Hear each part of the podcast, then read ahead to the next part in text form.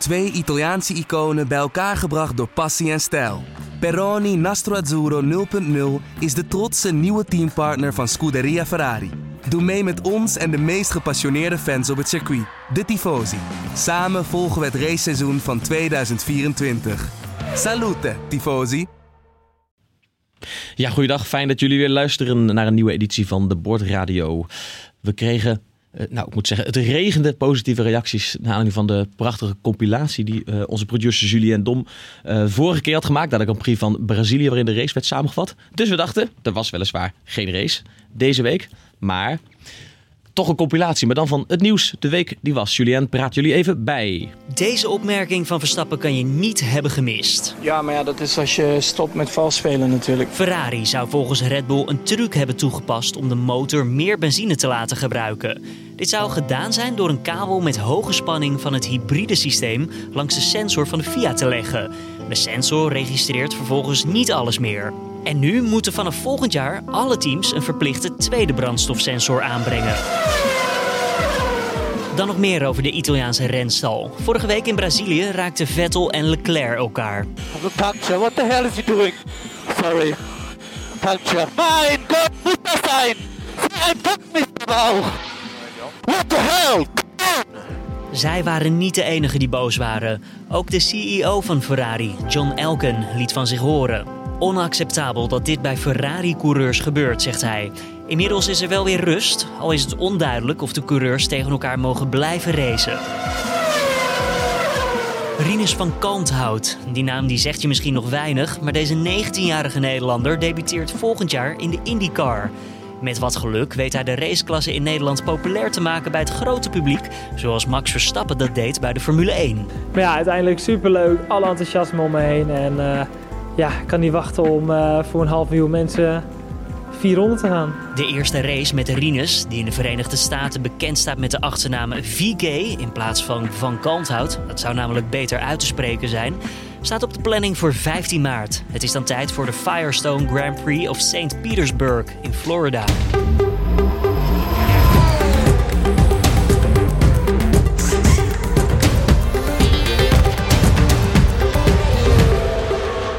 Je luistert naar de Bordradio.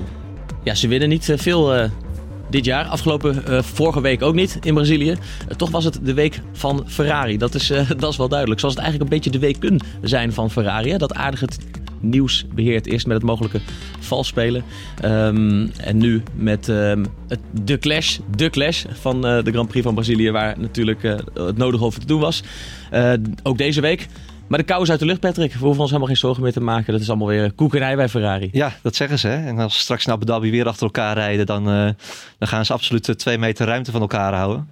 Maar niet heus. Nee, ik geloof er helemaal, eh, helemaal niks van. Ik vind het ook wel opvallend. Het was echt zo'n eh, typisch eh, statement hè, wat naar buiten kwam. Dat het allemaal koekenij is, dus die twee niks in de hand. En gaan allemaal weer verder met, eh, met jullie leven. Maar ze wilden niet zeggen of een van de twee coureurs de schuld had gekregen. Nee, en dat wilden we natuurlijk allemaal weten. En of ze nog mogen, mogen racen tegen elkaar. Precies, komen de teamorders of niet? Wat denk je, Joost?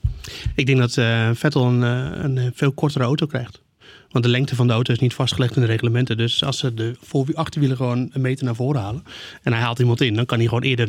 Nee, eh, ik denk dat er geen teamorders komen. Want eh, ja, waar gaat het nog om? Nou, Ja. ik, ik, ik weet het niet. Het zou wel weer typisch Italiaans zijn om, om dat juist weer wel te doen.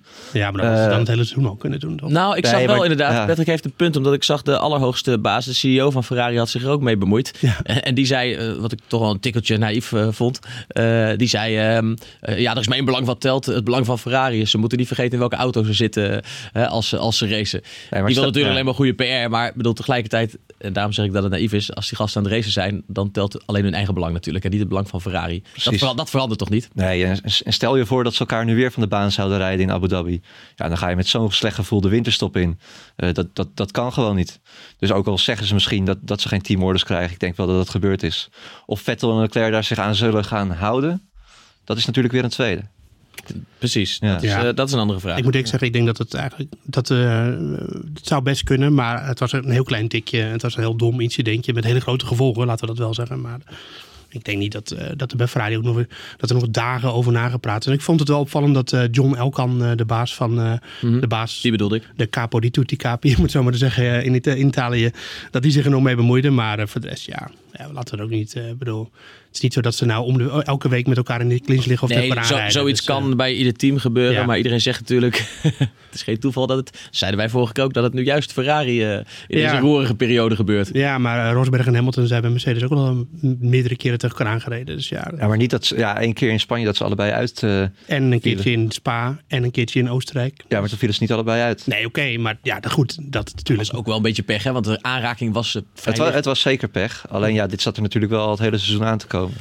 Ja, nou ja, goed, de vorige keer hebben we al eh, gezegd, en dat, daar blijf ik bij, dat het gewoon eh, dat het Vettels schuld was. En, Ja. Maar het, maar het Vettels schuld, Vettels, hij stiekem zelf ook. Vettels inschattingsfout, laat ik dat zeggen. En ja, maar voor de rest, ja. Ik vond het wel mooi. Ik zag nog een, een ehm, ehm, boordradio ook van Leclerc nadat hij stil was gevallen trouwens. En daar kwam, wel, daar kwam echt een hele hoop woede bij kijken. Ja, Leclerc hebben we natuurlijk al vaker horen schelden dit seizoen, ook in Duitsland. Come on, Charles en zo. Dus hij is wel lekker vocaal. Eh. hij uit het goed, laat ik het zo zeggen. Ja, ik die- bedoel, die boordradio's, eh, die, die, eh, die, het schreeuwt er een beetje om dat ze dat in meer sporten gaan gebruiken. Dat je gewoon kan meeluisteren met de sporters tijdens, hun, tijdens hun wedstrijd, race, wat je ook wil. Want ja, dat maakt, die, dan zie je die adrenaline, die, emotie, wat dat met zo'n coureur doet hè, op de baan. Dat krijg je dan in, in de puurste vorm mee. Dat is natuurlijk wel echt fantastisch. Ja, alleen hebben we horen nog iets te veel bliepjes. Maar wij zijn in Nederland natuurlijk wat makkelijker daarmee. Van ja, laat ze maar gewoon lekker schelden. Maar ik heb ook al eens een compilatie van... Meestal weet je wel wat er achter het bliepje zit. Ja, er zit meestal eh vierletterig woord. beginnen met een F en eindigt op eh uk. Rijmt op duk. Ja, die, eh, dat zit er vaak. Ik heb wel eens een compilatie gezien ook van wat, bij andere sporten. eh, NASCAR ook met zonder eh, ehm, eh, censuur, zeg maar. En dan is het ook echt alleen maar fuck, fuck dit en fuck dat en alles. En Ja. dat, eh, Ja, goed, ik, Amerika ik, heb wel best mee regelmatig, ik heb best regelmatig gekart en jullie geloof ik ook wel. Ja. En dan, dan eh, verander je natuurlijk zelf ook een beetje in een idioot, hè? Ja, ja. Dan doe je precies hetzelfde. Ja. Zit je te schelden op Jan Alleman? Het ligt nooit aan jou. Nee, Nee. maar ik heb dat ook al in het verkeer eerlijk gezegd. Hoor. Als ik eentje Ja. nood zit, dan hou ik van, eh van lekker schelden. Vele, vele met jou. Hey, terug te komen bij Ferrari. Wat ik nou interessant vond aan deze week is dat ondertussen teambaas Binotto, ik wil niet zeggen de aandacht probeerde af te leiden, want ik, ik had het idee dat het wel oprecht was. Die concludeerde, ondanks de clash, eh, want daar sneeuwde alles natuurlijk bij onder, eh, zei hij van nou eigenlijk, eigenlijk hadden we best een, goede race qua tempo en vooral qua grip. Eh, zag het er beter uit, vond hij. Is dat, een, is dat een plausibel verhaal, Patrick? Ja, moeilijk te zeggen. Kijk, ze zijn er zelf natuurlijk ook wel bij gebaat om ook, ook een beetje de aandacht af te leiden van die uitspraken over, de, ja, over die brandstofsensor, hè, wat er allemaal gebeurd is. Aan de andere kant, ze hebben niet meer op pol gestaan sinds, nou wat is het, eh, Amerika. Ja, Mex- Mexico eigenlijk ook niet. Daar Verstappen stond daar op pol, maar zijn tijd werd eh, afgepakt. Ja. Dus ja, het- er is Ferrari ook wel veel aan gelegen om te Zo zeggen... lang geleden ook weer niet, hè? Nee, nee, maar het is wel opvallend natuurlijk dat sinds die, eh, die uitspraken van de FIA dat dat niet meer gebeurd eh, Mhm. is. Ja, is eigenlijk dus ook. Maar dat hebben we de vorige keer ook allemaal besproken. Maar Mexico dus ook niet. Dat is, eh, Nee, dat dat was, ik. maar Ja, dat was ja, ja. voor de uitspraak van de FIA. Nee, maar om maar aan te geven, kijk, Binotto moet ook wel zeggen dat het nu wel beter gaat. Ook al zeggen de cijfers wel, wel iets anders. Ja. Ja, wat zeggen de cijfers ons? Nou ja, de cijfers eh, zeggen ons inderdaad, ja, eh, met, ja, dat hebben we eigenlijk de vorige keer natuurlijk ook allemaal een beetje besproken. Dat het met die, met die eh, de, de, de, de delta eh, op de rechtstuk of de GPS, dat, het, eh, dat die piek van vermogen, dat die gewoon minder is geworden. Ehm, maar Ferrari is wel heel erg hard bezig met de race pace. En Ja, maar over de grip hebben we het nog niet zo gehad. En daar zoomde hij heel erg op in. Ja, ja, precies. En eh, ehm, de race pace van Ferrari is gewoon het hele seizoen al een probleem. En eigenlijk het enige seizoen, of enige race dit, dit jaar waarvan ik dacht dat ze ook in de race echt de snelste waren, was Singapore. Wat eh, natuurlijk wel opvallend is, omdat dat is een baan waar de grip eh, toch ook wel heel belangrijk is. En daar hadden ze toen die nieuwe neus, nieuwe voorvleugel, waarmee ze meer downforce aan, aan de voorkant van de auto kregen. Of dat de auto meer in balans was, eigenlijk was meer het verhaal.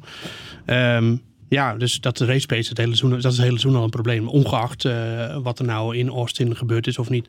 Dus eh, dat hij zich daarop focust, dat is, eh, want dat is, nou, daar gaan we het later nog over hebben, maar dat is het sterke punt van Mercedes. Ja. En dat ehm eh, de VIA zich focust op eh, hoe lossen we dit probleem op. Althans, hoe eh, zorgen we dat ehm, straks niemand meer een mogelijk trucje kan uithalen. Heeft de VIA simpel gezegd, er moet gewoon een tweede brandstofmeter bij komen.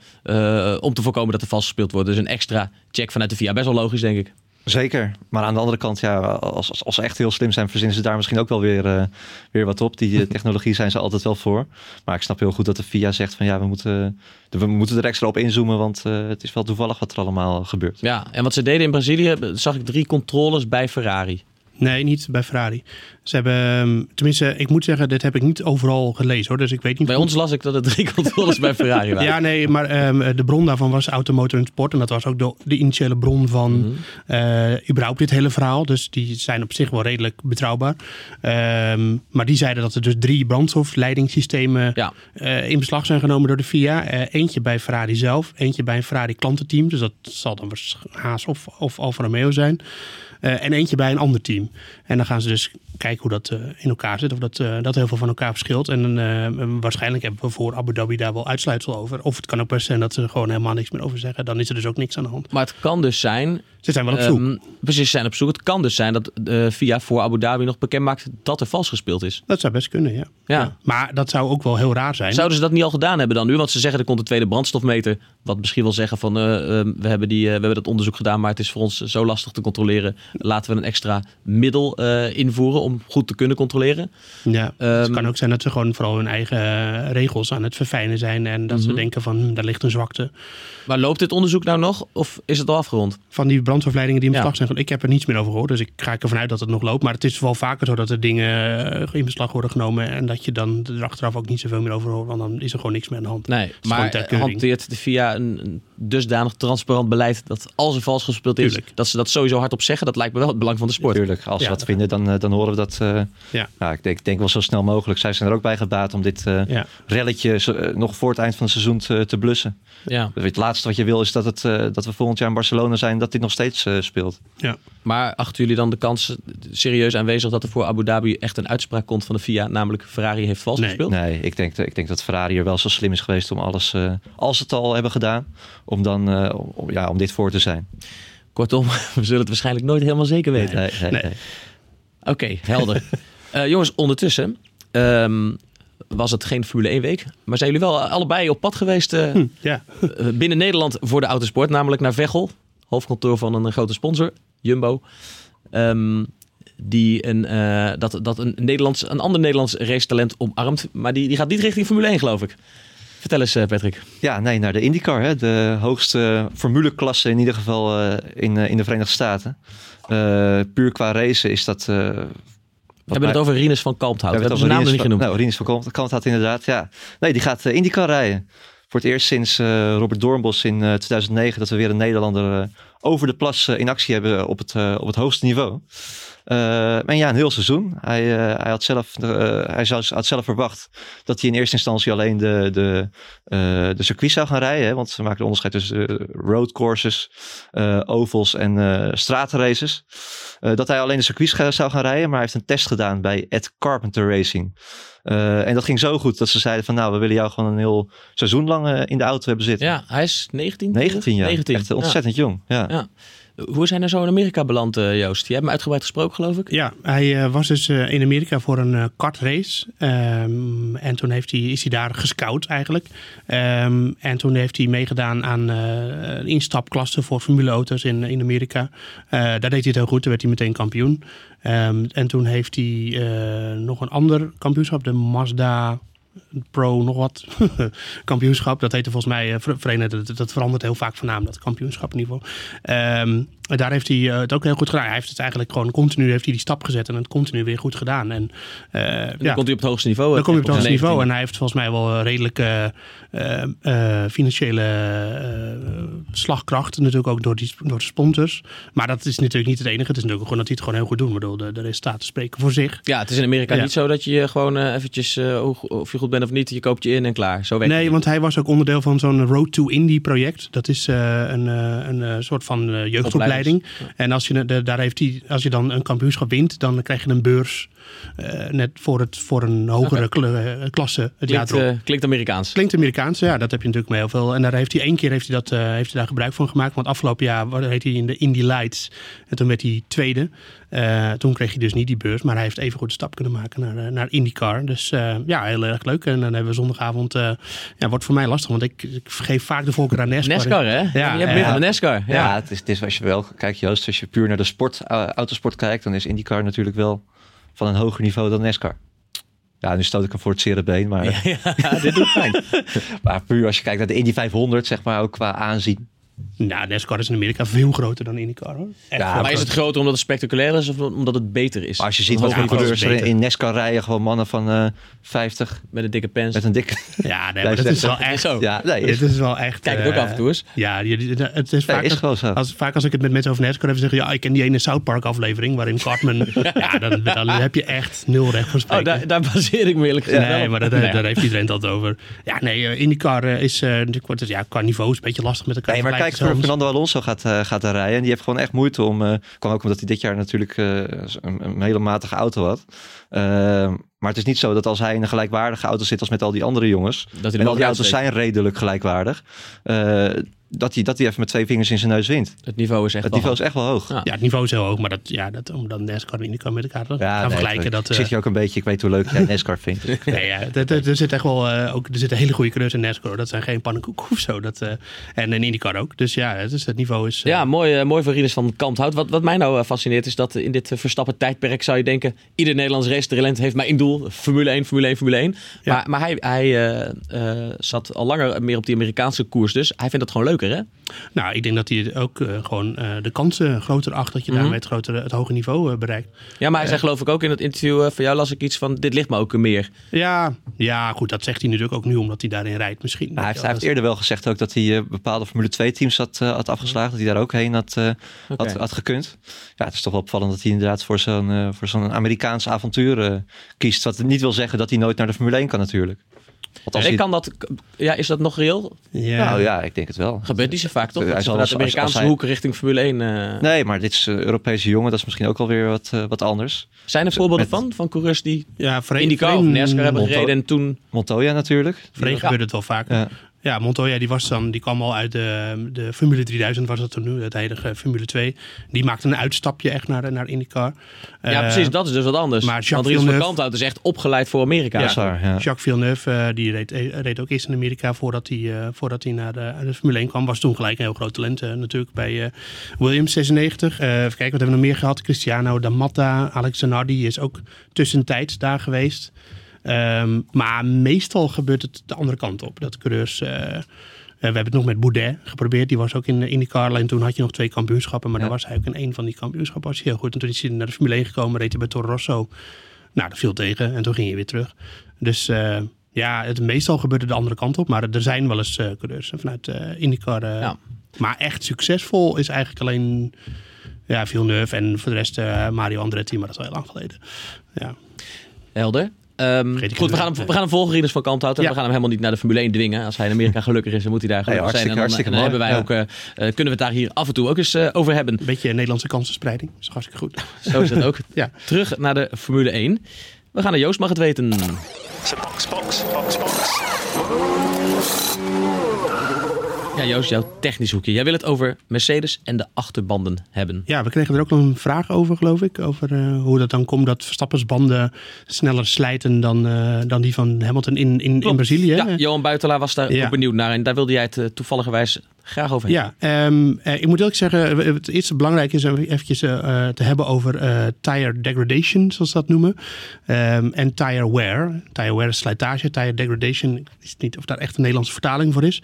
Maar dat is in principe verschillend. En uh, uh, tire degradation betekent echt dat de banden te heet of te koud zijn, maar meestal te heet, zodat ze niet goed functioneren. Maar dat betekent niet per se dat ze versleten zijn, maar dan zijn ze gewoon zo heet dat ze niet, dat, je, dat ze niet genoeg grip bieden. Ja, dan zijn ze niet optimaal te benutten. Precies. En uh, tire wear betekent natuurlijk gewoon slijtage.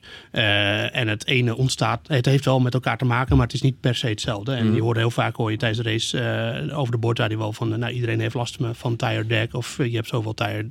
Nou, dat bedoelt ze dus daarmee dat de banden gewoon niet op de juiste temperatuur zijn om goed te functioneren. Uh, wat je daar ook vaak nog even hoort om dat helemaal af te ronden, is dat het de, de banden in het juiste window zijn. Weet je wel? Dat, uh, dat betekent dus eigenlijk dat ze op de juiste temperatuur zijn, dat ze echt goed functioneren. En dat is. Uh, dat is dus ook wat Mercedes goed lukt. Die lukt het dan om de banden zo lang mogelijk in het juiste temperatuur window te houden. Het raamwerk natuurlijk in goed Nederlands. Uh, en Mercedes heeft heel lang last gehad van dat ze de, de achterbanden over ja, dat ze te heet werden, dat ze oververhit raakten, de achterbanden. En ze mm -hmm. dus niet de juiste grip leverden. Uh, en daar hebben ze een trucje voor gevonden. En dat zit hem in de achterwielophanging. Die hebben ze namelijk zo ontworpen dat er een, een luchtkanaal in zit. Dus die vangt wind. En die blaast dat eh, tussen de velg en de naaf. Eh, de naaf is eh, waar de, de remmen in zitten zo. En eh, Mhm, waar je ja. de band op monteert. En daar zit een soort van. Die zit helemaal. eh, die, de, de, de, de remschijf zit helemaal omsloten. Zodat die hitte daar niet echt uit kan. En dan zit de velg eroverheen. En dan zit er nog een kiertje tussen, zeg maar. En daar blaast hij dus eh, koude rijwind in. Zodat de banden minder eh, beïnvloed worden door de remmen. En dat de banden kouder blijven. Eh, minder warm Ja, is het eigenlijk je meer. Want ze zijn nog steeds heet, maar ze zijn minder warm. Ja, je zouden de mensen eigenlijk jouw mimiek bij moeten zien. Ja, ja, mijn, je mijn beeldt het ondertussen ook mijn heel mooi uit. Handgebaar. Nee, maar je moet dus eigenlijk zo zien dat de auto rijdt en er wordt gewoon lucht door een luchtkanaal, door de achterwielophanging in die ruimte tussen de velg en de naaf geblazen. Ja. En daardoor blijven ze koeler. Volg je. Ja. Ehm, en daardoor hebben ze dus nu dat hele overwittingsprobleem van de andere achterbanden opgelost. En daardoor hebben ze dus langer eh, de banden op de juiste temperatuur. En daardoor zijn ze dus in de races. En ook vaak zie je dat al op vrijdag in de, in de, in de vrije trainingen. Dat ze de, eh, we hebben het vaak over race pace. En race pace betekent eigenlijk van, eh, dat je heel lang door kan gaan op een goed tempo met, de, met, met een set banden. Dus dat is een enorm voorbeeld, voordeel. En dat is eigenlijk de reden waarom Mercedes dit jaar zo sterk is. Ja, want, want dat is ook wat, wat meerdere mensen en ook in dit geval Johan Buitelaar zich afvroegen. Die hey, het viel op dat Verstappen eh, daar meer moeite mee had dat, dan Mercedes. Terwijl Verstappen toch inderdaad, hè, we noemden het wel eens de bandenfluisteraar, Ja. zo bekend stond. Ja. Maar dat heeft dus ehm, eh, met die techniek te maken en niet met de coureur. Ja, en het, dus de Mercedes is in dit geval eigenlijk zelf de bandenfluisteraar, om het zo maar te Precies, zeggen. ja. Maar dan vraag je natuurlijk af, hey, waarom doet de rest dat niet? Nou, ehm, eh, ten eerste heeft, heeft de, de, de concurrentie geprobeerd om dit, dit systeem wat Mercedes hanteert eh, om zeep te helpen natuurlijk. Een goed Formule 1 gebruik. Want we hebben het alleen maar over Ferrari en het, het eh, brandstofleiding idee, maar dit kan je ook omschrijven als een soort van... wat misschien niet mag. Wat misschien niet mag, want je mag namelijk een, een, een, een, eh, wielophangingsdeel. Eigenlijk alles wat niet bij de afgeveerde massa van de auto, dus alles wat eh, beweegt, zo moet je Ja, het eigenlijk zien, ja. dat mag niet een aerodynamische functie hebben. Dus, en ja, als je een, een lucht zo geleidt dat het naar een bepaalde plek toe gaat, dan kun je dus zeggen van ja, dat is wel zo. Nou ja, de- dus die hebben toen ook zo'n eh, clarification gevraagd. Nou, dan zeiden via dit mag. Dus nu eh, zul je zien dat... is legaal, laten Het is legaal, ja. zeggen. ja. De, dus nu zegt de, de, ehm, want Mercedes zei dan van ja, nee, we hebben de, de, de, eh, de wielophanging toevallig zo ontworpen. En toevallig is dit het, het neveneffect. Ja, dus, dus ehm, En daar is de 4 getrapt. en de, ja, nou ja, goed. eh, er was niet, er was niet genoeg eh, bewijs om te zeggen dat het eh, vals spelen is. Ehm, dus eh, nou, je zal zien dat, eh, dat de concurrenten dit eh, ook gaan proberen. Zeker nu helemaal duidelijk is wat er is.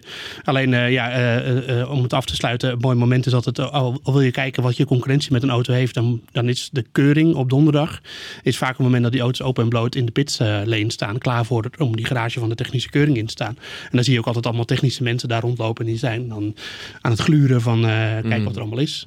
Eh, maar Mercedes heeft nu bedacht van eh, als we bij de technische keuring aankomen, dan doen we de bandenwarmers doen we eromheen. Want dan kunnen we niet zien hoe dat precies zit. Dus die liggen er dan. Dus die auto's van Mercedes staan op donderdag, terwijl er helemaal niet gereden wordt, altijd met de bandenwarmers om bij de, bij de technische keuring. Zodat, eh, zodat dat gat en die manier waarop dat geregeld is, eh, verholen wordt. Dus dat, dat is nog wel een geinige toevoeging daaraan. Maar ga er even goed maar vanuit dat, dat er dusdanig wordt gespioneerd dat, dat concurrenten daar volgend jaar ook mee gaan komen. We gaan naar de fanzone. Yes, nog meer vragen van luisteraars. Leuk dat we er steeds meer binnenkrijgen, ook in de week dat er niet geraced wordt. Ehm, ook een onderwerp waar we dachten, moeten we het daarover hebben, moeten we het daar niet over hebben. We hebben het hier over de Formule 1, maar ondertussen is de Formule E ook begonnen. En Christian Burggraaf, die is eh, daar benieuwd naar. Althans, die is benieuwd naar, wil Liberty, eh, de eigenaren van de Formule 1, willen die richting Formule E? Fanboost, et cetera, zegt hij. En hoe schatten jullie de kansen van Nick de Vries in?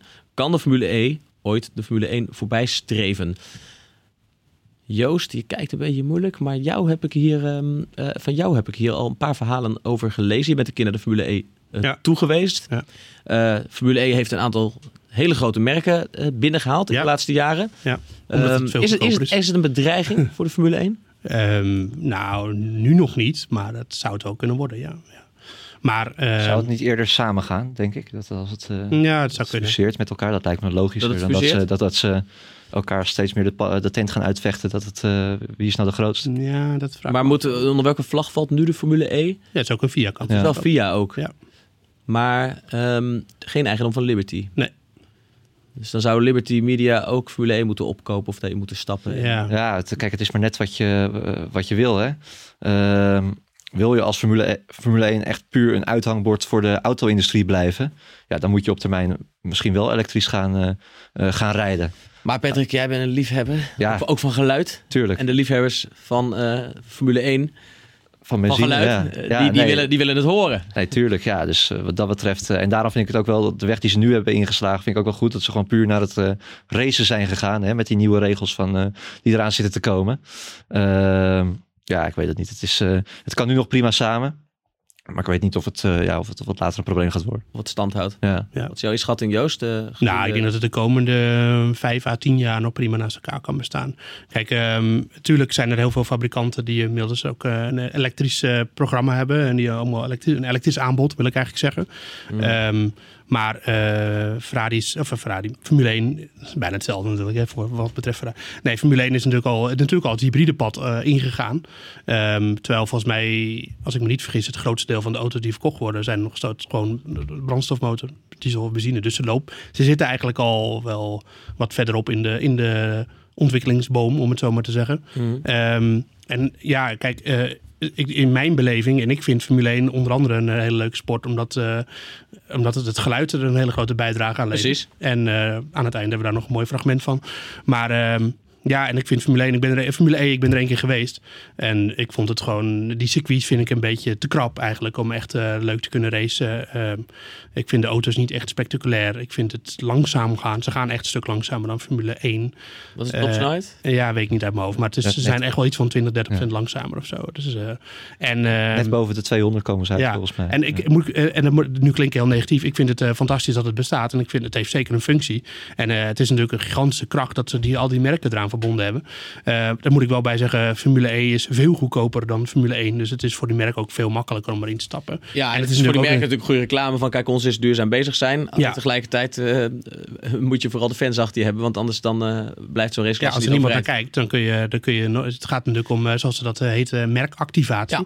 En ja, volgens mij, de, de, de kijkcijfers van Formule E, die hebben nog niets te maken met, de, met de, de, de aantallen waar we in Formule 1 over praten. Nee. Op de Dus tribune ziet hem dito.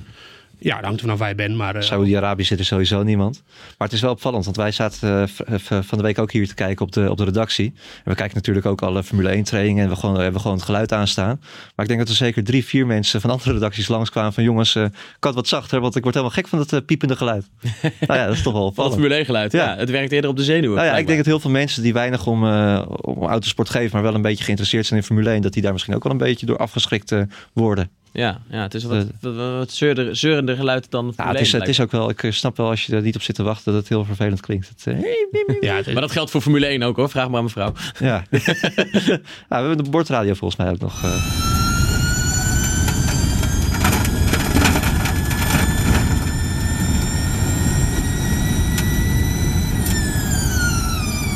maar ook in het, eh, in het echt. Zo klonk dat dus. Ja, in het echt klinkt het ook echt gewoon. eh, ja, ik vind het geen mooi geluid. En, en ja, het is misschien eh, het is voor mensen die het heel rationeel bekijken heel lastig om, ehm, om, om, te, om, om te realiseren dat geluid, of dat, om dat zelf zo te voelen, dat geluid er een hele belangrijke rol in speelt. Maar ja, dat is voor mij. Voor, voor mij Nee, maar je wel krijgt zo. wel het gevoel van eh, als je gewoon sportliefhebber bent en je kijkt ernaar van. Eh, ook andere collega's van de sport, eh, sportredactie zeiden dat ook. Maar zit ik in hemelsnaam naar te kijken? Ja. Wat zijn dit voor gekke auto's? Want ze Ja. gaan helemaal niet hard ook.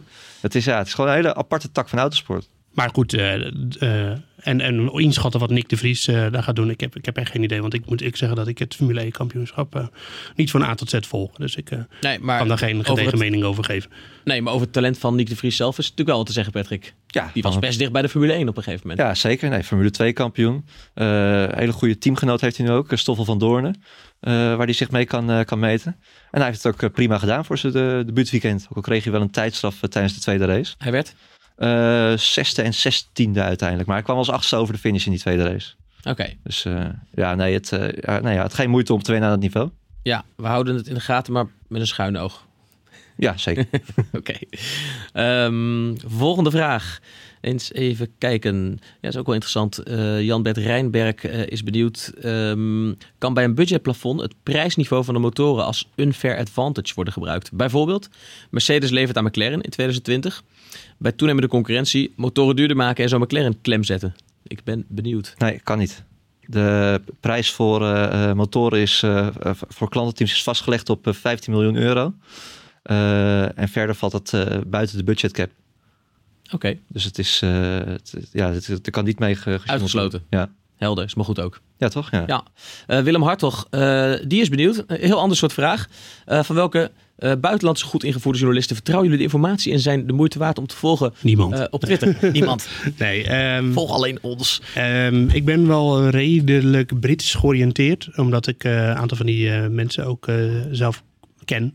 Ehm, eh, ja, de, mensen die bij eh, autosport, maar de, Noem eens een paar namen. ja, ehm, Willem wil weten wie die moet volgen. Ja. Naast jou en Patrick. ja, ja, ja. Ehm, eh, even kijken, wie volg ik allemaal? Ehm, ehm, Oeh, dat is lastig. Nu val je me er een beetje mee. Eh, Joe Savert vind ik wel. Joe Sayward, is, eh, ja, die is, dat is een hele goede. ehm, En dat zijn ook eh, ehm, journalisten die er altijd bij zijn. Deze, Ja. deze man gaat geloof ik al Wij zijn er 30, vaak bij, Adam maar niet Cooper. altijd. 30 Adam jaar lang naar Ja. een circuit en nog nooit een race gemist of zo geloof ik. Die nee, Joe Adam. Cooper die is volgens mij eh, heeft sinds 19 eh, ergens eind, begin jaren 90 nooit een race gemist. Dat is altijd zo'n mooi ding onder journalisten. hè. Ik zie sommigen zelfs in hun Twitter-bio dan staan. Ja, klopt, ja, ja, en dat, ja. dat is bij voetbaljournalisten van hoeveel eindtoernooien eh, ze hebben gedaan. Ja. Bij eh, eh, journalisten van andere sporten hoeveel Olympische Spelen ze al hebben gedaan. Ja. Ja. Dat is echt eh, elke keer weer een vinkje zetten. En eh, dan, dan eh, stijg je weer in de achting van, van je collega's. Hè? Ja. Mooi, mooi is dat. En wat betreft automotor en sport, die natuurlijk de laatste eh, tijd een paar scoops hebben, daar is Toby Groener eh, een hele goede van.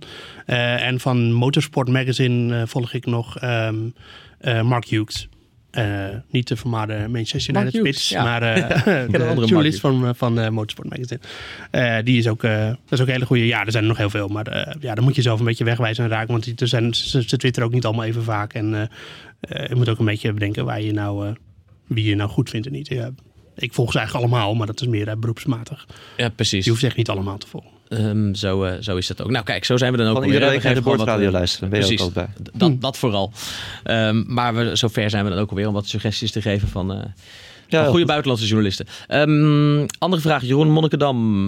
Met veel plezier luister ik naar jullie podcast. Gisteren had ik het idee dat eigenlijk ehm, een straf van min 5 seconden, een straf van 5 seconden, ook plus 3 seconden zou moeten geven aan degene die opgehouden is. Dan is het pas echt eerlijk, zegt hij. Hartelijke groet van kunstenaar en autoliefhebber, simracer Jeroen Monnikendam. Ja, dat gaat waarschijnlijk nog over de straf van Kubica wellicht op eh, Verstappen met die Ja, unsafe, ja, hij zei gisteren, dat is een ja, van een paar dagen geleden. Ja. ja, maar als we dat gaan doen, dan wordt het wel heel ingewikkeld met eh, diegene rijdt drie seconden voorop. En eh, nee, dan, wordt het, dan moet je echt wiskunde gestudeerd hebben om nog te weten wie er nou gewonnen heeft. Ja. Nee, ja, dat, dat, dan, blijf, je bezig. Het is zo. Het is wel een beetje hetzelfde verhaal als met eh, kaarten in het voetbal. Hè? Ja, Als iemand dan eh, na een derde gele kaart geschorst wordt, dan profiteert gewoon een hele andere club ervan. Dus, dus ergens, ik snap zijn vraag wel. Ja, hè, zeker, als het ja. gaat om fair, fair racen. Dat je denkt, ja, eh, wat heb ik er nou aan dat iemand vijf seconden straf krijgt? Want Ja. ik krijg er niks bij. nee, is ook zo. Ja, stel nou, ja, dat het is wel. Want stel je nou dat, het, dat dit een race was geweest om het kampioenschap.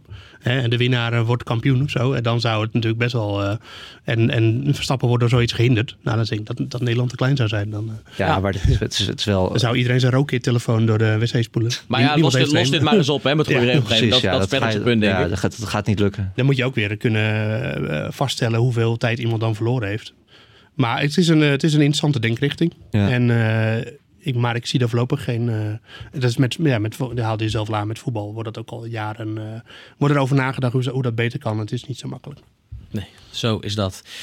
Goed, we gaan na- naar Abu Dhabi, want er staat nog een laatste race voor de deur. Ja, Abu Dhabi, het, het gaat een beetje vaak, hè? best vaak als een nachtkaars uit, het seizoen. Ehm, misschien moeten we daar nu ook voor vrezen. Misschien ook niet. We gaan eerst weer even naar een nog zo'n mooie compilatie van Julien met wat we kunnen verwachten hier. Het Yas Marina circuit in Abu Dhabi. Een mix van lange rechte stukken en haakse bochten. Het circuit is 5,5 kilometer lang en kent 21 bochten in totaal.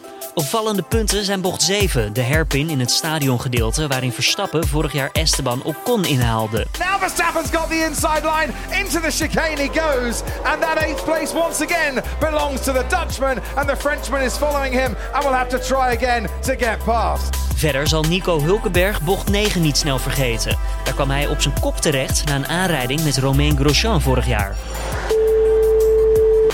Here like a cow. Yeah. Get me out, there's fire. Yeah. There's fire. It's alright, they're coming. They're coming. En als je van het weekend naar de Formule 1 kijkt, let dan ook op bocht 18 en 19. Die leveren mooie beelden op. Deze gaan namelijk door onder het peperdure Jas Hotel.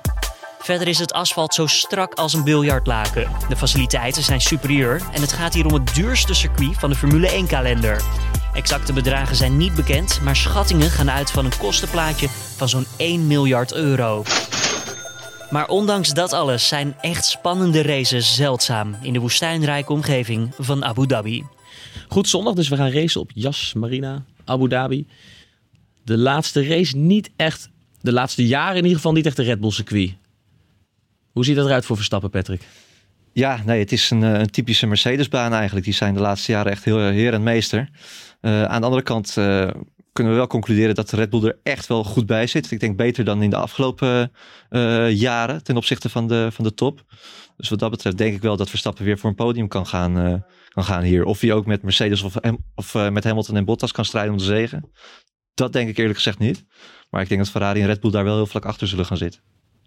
Ja, Joost, sluit je daarbij aan? Ik ja, Ferrari heeft hier nog nooit gewonnen. Dat is ook opvallend. Terwijl er ligt naast het circuit een enorm pretpark uh, genaamd Ferrari World. Maar, uh, maar dat terzijde. Um, ja, het echt een Mercedes-baantje in de zin van uh, dat, dat uitzicht vooral in die derde sector. Uh, dat is dan bocht uh, 14 tot en met bocht 21. Um, en dat is zoveel links-rechts. En ja, daar, daar, Ferrari, Ferrari Mercedes heeft nog steeds het voordeel dat ze die front-end grip, dat ze dus makkelijk de hoek omgaan eigenlijk. En dat, dat uitzicht vooral in die haakse bochten. En daar zijn er heel veel van in de derde sector van, van Abu Dhabi. Daar zullen ze vooral heel veel tijd winnen. En het is daar ook wel een goede indicatie om te zien hoe goed Red Bull dat bij kan houden. En voor Ferrari is het daar weer een indicatie om te zien. Want ze willen natuurlijk die stappen zetten met race pace. Uh, of ze daar dan inderdaad niet te veel tijd verliezen. Maar ik, ja, ik vrees toch van wel. Ja, en we hebben gezegd, Ferrari heeft nog iets te bewijzen. Als ze in Abu Dhabi weer tegenvallen, dan is uh, de conclusie van menig Formule 1-volger dat ze eerder vals gespeeld hebben uh, iets steviger. Ja, nou ja, goed, dat, dat gaan we vooral zien in de kwalificatie, denk ik. En uh, er zijn hier twee hele lange rechtstukken waar ze het vermogen echt goed kunnen gebruiken. En ook van bocht 1 tot en met bocht 5 is eigenlijk alleen maar uh, vol gas, bijna vol gas. Dus daar uh, moet die klepel vol open. En ja, dan uh, als ze daar weer niet veel. Maar ja, het kan. wat ik net zeg, die, die hele bochtige sectie kan het zo zijn dat ze dus weer kiezen voor meer downforce. Maar dat denk ik echt niet. We gaan het zien. Ik kan, kan erop los speculeren. Maar dat wordt het grote vraagteken van dit weekend inderdaad. Ja, nou, ik ben heel benieuwd naar je voorspelling, maar daar gaan we zo mee, mee afsluiten. Uh, want, eerst, hè, Abu Dhabi, het voelt altijd een beetje, ja, het voelt niet zo Formule 1. Het is, het, is niet alleen ver weg, maar het is ook een beetje een killcircuit. En niet de spectaculairste race over het algemeen. En voor vele mensen is het seizoen ongeveer voorbij. Toch staat hij dus al dik tien jaar op de kalender. En hebben we er echt wel wat moois gezien door de jaren heen. Patrick, jouw hoogtepunt, Abu Dhabi? Ja, 2010, de eerste titel van, uh, van Vettel. Die ging daar als derde in de WK-stand heen. Uh, Alonso en Webber die leken te gaan strijden om, uh, om het kampioenschap. Ja, je kan het je haast niet meer voorstellen. Alonso die stond er het beste voor. Die had 246 punten. Vettel stond 15 punten daarachter. Maar omdat Vettel, Alonso en Webber alleen maar naar elkaar aan het kijken waren, reed Vettel eigenlijk onbedreigd naar de zegen toe. En Alonso die kwam vast te zitten achter uh, Vitaly Petrov. Nou ja, Joost uh, kent hem nog wel, uh, denk ik. In de Renault. Ja. in de Renault. Ja. Kwam hij rondeslang niet voorbij. En Vettel, ja, die, die had totaal geen rekening meer mee gehouden dat hij überhaupt nog die titel kon pakken. kwam als eerste over de streep, maar moest natuurlijk nog wel even wachten op welke plekken Alonso en Webber zouden eindigen. Hamilton P2, Button P3. There's another two cars coming round in 15 and 16. Rosberg P4, Kubica P5, Dubist, Veldmeister. Thank you, boy. Unbelievable. Thank you, I love you. Sebastian Vettel, you are the world champion. Wat een emotie, hè? Oh, ja? Ja. Prachtig. Ik heb Vettel daarna nooit meer zo gehoord. Lang geleden dat ik dit gehoord heb, maar nu denk ik, ja, potver, dat ja. was wat. Ja, ja, heel bijzonder moment. En ik als uh, destijds Webber-fan baalde natuurlijk als een stekker. Dus, uh, ik heb uh, mijn schoenen naar de, wc of naar de tv gegooid. Jij hebt er ook een, jij hebt er ook een ander fragment uitgekozen ja. ter herinnering aan Abu Dhabi, Joost. Nee, um, um, ik wilde eigenlijk ook de inhalactie vorig jaar van Verstappen op Bottas. Vond ik echt fantastisch. Misschien wel een van zijn beste ooit qua inhalacties. Maar daar hebben we geen geluidsfragment van. dus ga ik natuurlijk terug naar het geëikte Abu Dhabi moment. Kimi Räikkönen in 2012. Die echt het, een van de leukste seizoenen. Daar hebben we het laatst ook over gehad. Dat heel veel verschillende coureurs wonnen. En Räikkönen won dus de laatste eigenlijk niet de laatste race natuurlijk, want de laatste race was dat seizoen Brazilië. Maar hij won in ieder geval die race. Uh, en natuurlijk met een geweldige boordradio. Okay, Kimi, next car behind you is Alonso. I'll keep you updated on the gap. I'll keep you updated on the pace. Just leave me alone, I know what to do. Ja, vaak vertaald als leave me alone, I know what I'm doing. Maar dat zegt hij niet. Hij zegt leave me alone, I know what to do. Um, om er even een bedweter factor overheen te gooien. Maar in ieder geval, uh, ja, was geweldig en geweldig uh, dat, dat Kimi daar uh, kon winnen. Werd, Dus, ook, eh, werd ook een soort running gag, die uitspraak van eh, overal, wat, uit- altijd weer. Kimi. Dat die, eh, Dit is de classic. Past eh, ook al wel bij Rijkonen Ja, natuurlijk. ja, Ja, ja. ja. Geweldig. Ehm, heel mooi, maar deze race dan. Eh, gaan, we, gaan we weer... eh, we gaan geen ontknoping krijgen in ieder geval eh, in, het, in het seizoen. Want Hamilton is al lang en breed wereldkampioen. Verstappen kan zich wel van de derde plek verzekeren. Hij kan de beide de- Ferraris Voor de Ferrari zijn. achter zich houden. Ja. En hè, dat, zal, dat zal een worst zijn, maar toch ook niet helemaal. Nee. dat is Nee, natuurlijk best wel lekker. En dat vindt Red Bull natuurlijk ook heel belangrijk. Ja. Gaat dat gebeuren, Joost? Vertel eens, wat is jouw podium? Ja, ik denk het wel. Ik, de- ik denk dat ehm, Verstappen ehm, niet gaat winnen. Want ik vrees wel dat, dat Hamilton eh, in stijl wil afsluiten. Eh, en de Mercedes gewoon te snel is. Ja, en Bottas op de derde plek. En Snap Ferra- twee. Ferrari 4 en 5. Patrick?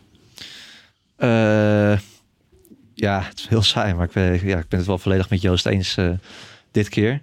Ik ben alleen, ja, ik ben bang dat Mercedes toch een fractie te snel is en dat Verstappen gewoon derde gaat worden. Dat hij ook Bottas niet kan pakken, helaas. Kan zo zijn. Oké. Het Ja, eh, drie. tijd voor een Verstappen Plekje drie. overwinning. Want ik ben nog Maar Patrick, ik eh, zat eh, net nog in de auto hier toen de vorige podcast even terug te luisteren, de vorige boordradio.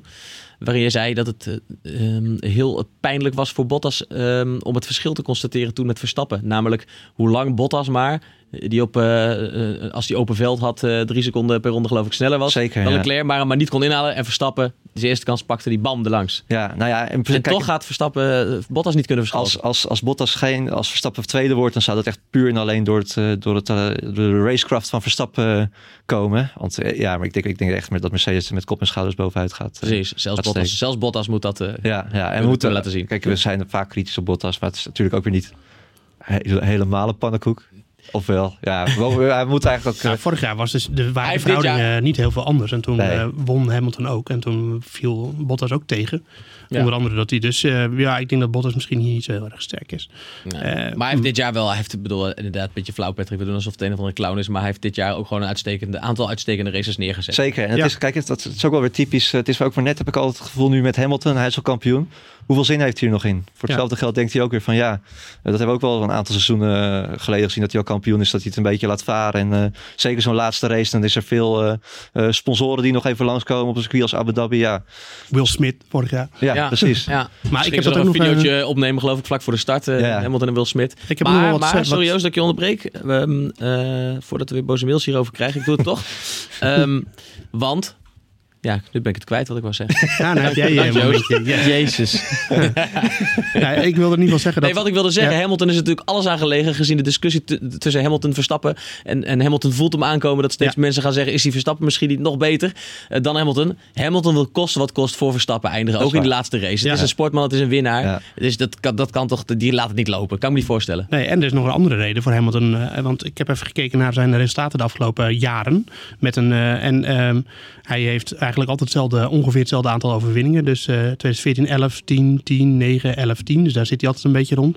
Maar hij zit ook altijd rond 11, 12, 11, 11 poles per seizoen. En nu heeft hij er nog maar vier. Dat is ook verdienste van Bottas, verdienste van Leclerc natuurlijk, die er ook veel had. Verdienste van Ja. Verstappen. Toch, Ferrari ook? En ook opvallend, zijn laatste pole was dus eh, Hockenheim. Ja, jaar. echt lang geleden. Dus ik denk dat hij dat ook wel, eh, hij wil, ja, dat is hem toch ook wel wat aangelegen om, om, om in ieder geval die pole nog eventjes... eh, Kortom, net zeiden we nog, Hamilton gaat de pet, met de pet naar gooien. Nee, maar, nee, er- nee. maar er zit een getergde Hamilton in die auto. Nou ja, hij had het na Brazilië over een gloves-off eh, wedstrijd. Dus, met, eh, omdat hij niet meer om het kampioenschap hoeft te denken. Ja. Dus ik denk dat dat ook wel... eh, ja, we gaan het zien. Ik, eh, ik, ik hoop in ieder geval op een keer op een overwinning van Verstappen. Want ik ben al heel veel naar de Formule 1 geweest. En ik ga ook nu naar Abu Dhabi. Maar ik ben nog nooit bij een overwinning van Verstappen geweest. Dus dat wordt wel een keer tijd. Zo is dat. Ja, je bent Altijd erbij. als Bart erbij is, dan wint hij. Dus eh, eigenlijk moet Bart gaan, wat dat betreft. Precies. Laten we Bart sturen. Kunnen, we- kunnen we nog switchen? Want Alles dan- omboeken. Ja, Dan wordt het wat. Goed, we gaan het zien. Het zou je, zou je ook een keer gegund zijn, Joost. ja, ja nou zeker. Maar goed, mocht hij niet winnen, dan, dan geef ik jou in ieder geval de kans om deze uitzending te beëindigen met een heel erg vet geluid wat jij heel graag wilde laten horen. Ja, leuk dat je er niet zo cynisch over bent. Ik ben helemaal niet. nee, ik dacht we gaan naar, eh, naar Abu Dhabi. eh, alles, eh, nou ja, nep mag ik wel zeggen. Weet je, een uit de grond gestampt circuit. auto's die niet meer zo klinken als vroeger. Dus ik dacht we nemen even een trip through memory lane. Eh, 99, Goodwood Festival of Speed, Nick Heidveld in de McLaren Mercedes V10, zeg ik er even bij. En eh, dit, is, dit is een van de mooist opgenomen geluiden, denk ik, eh, qua dat, die, die, dat tijdperk. En dat komt vooral omdat er heel veel camera's langs een kort stukje staan. Dus je hoort heel vaak het eh, Doppler-effect, zoals we dat noemen. Dat, eh, dat je een auto... maar het klinkt fantastisch. Dus geniet mee en denk dan even terug aan, aan vroegere tijden, hoe het echt ging. Hoe het echt.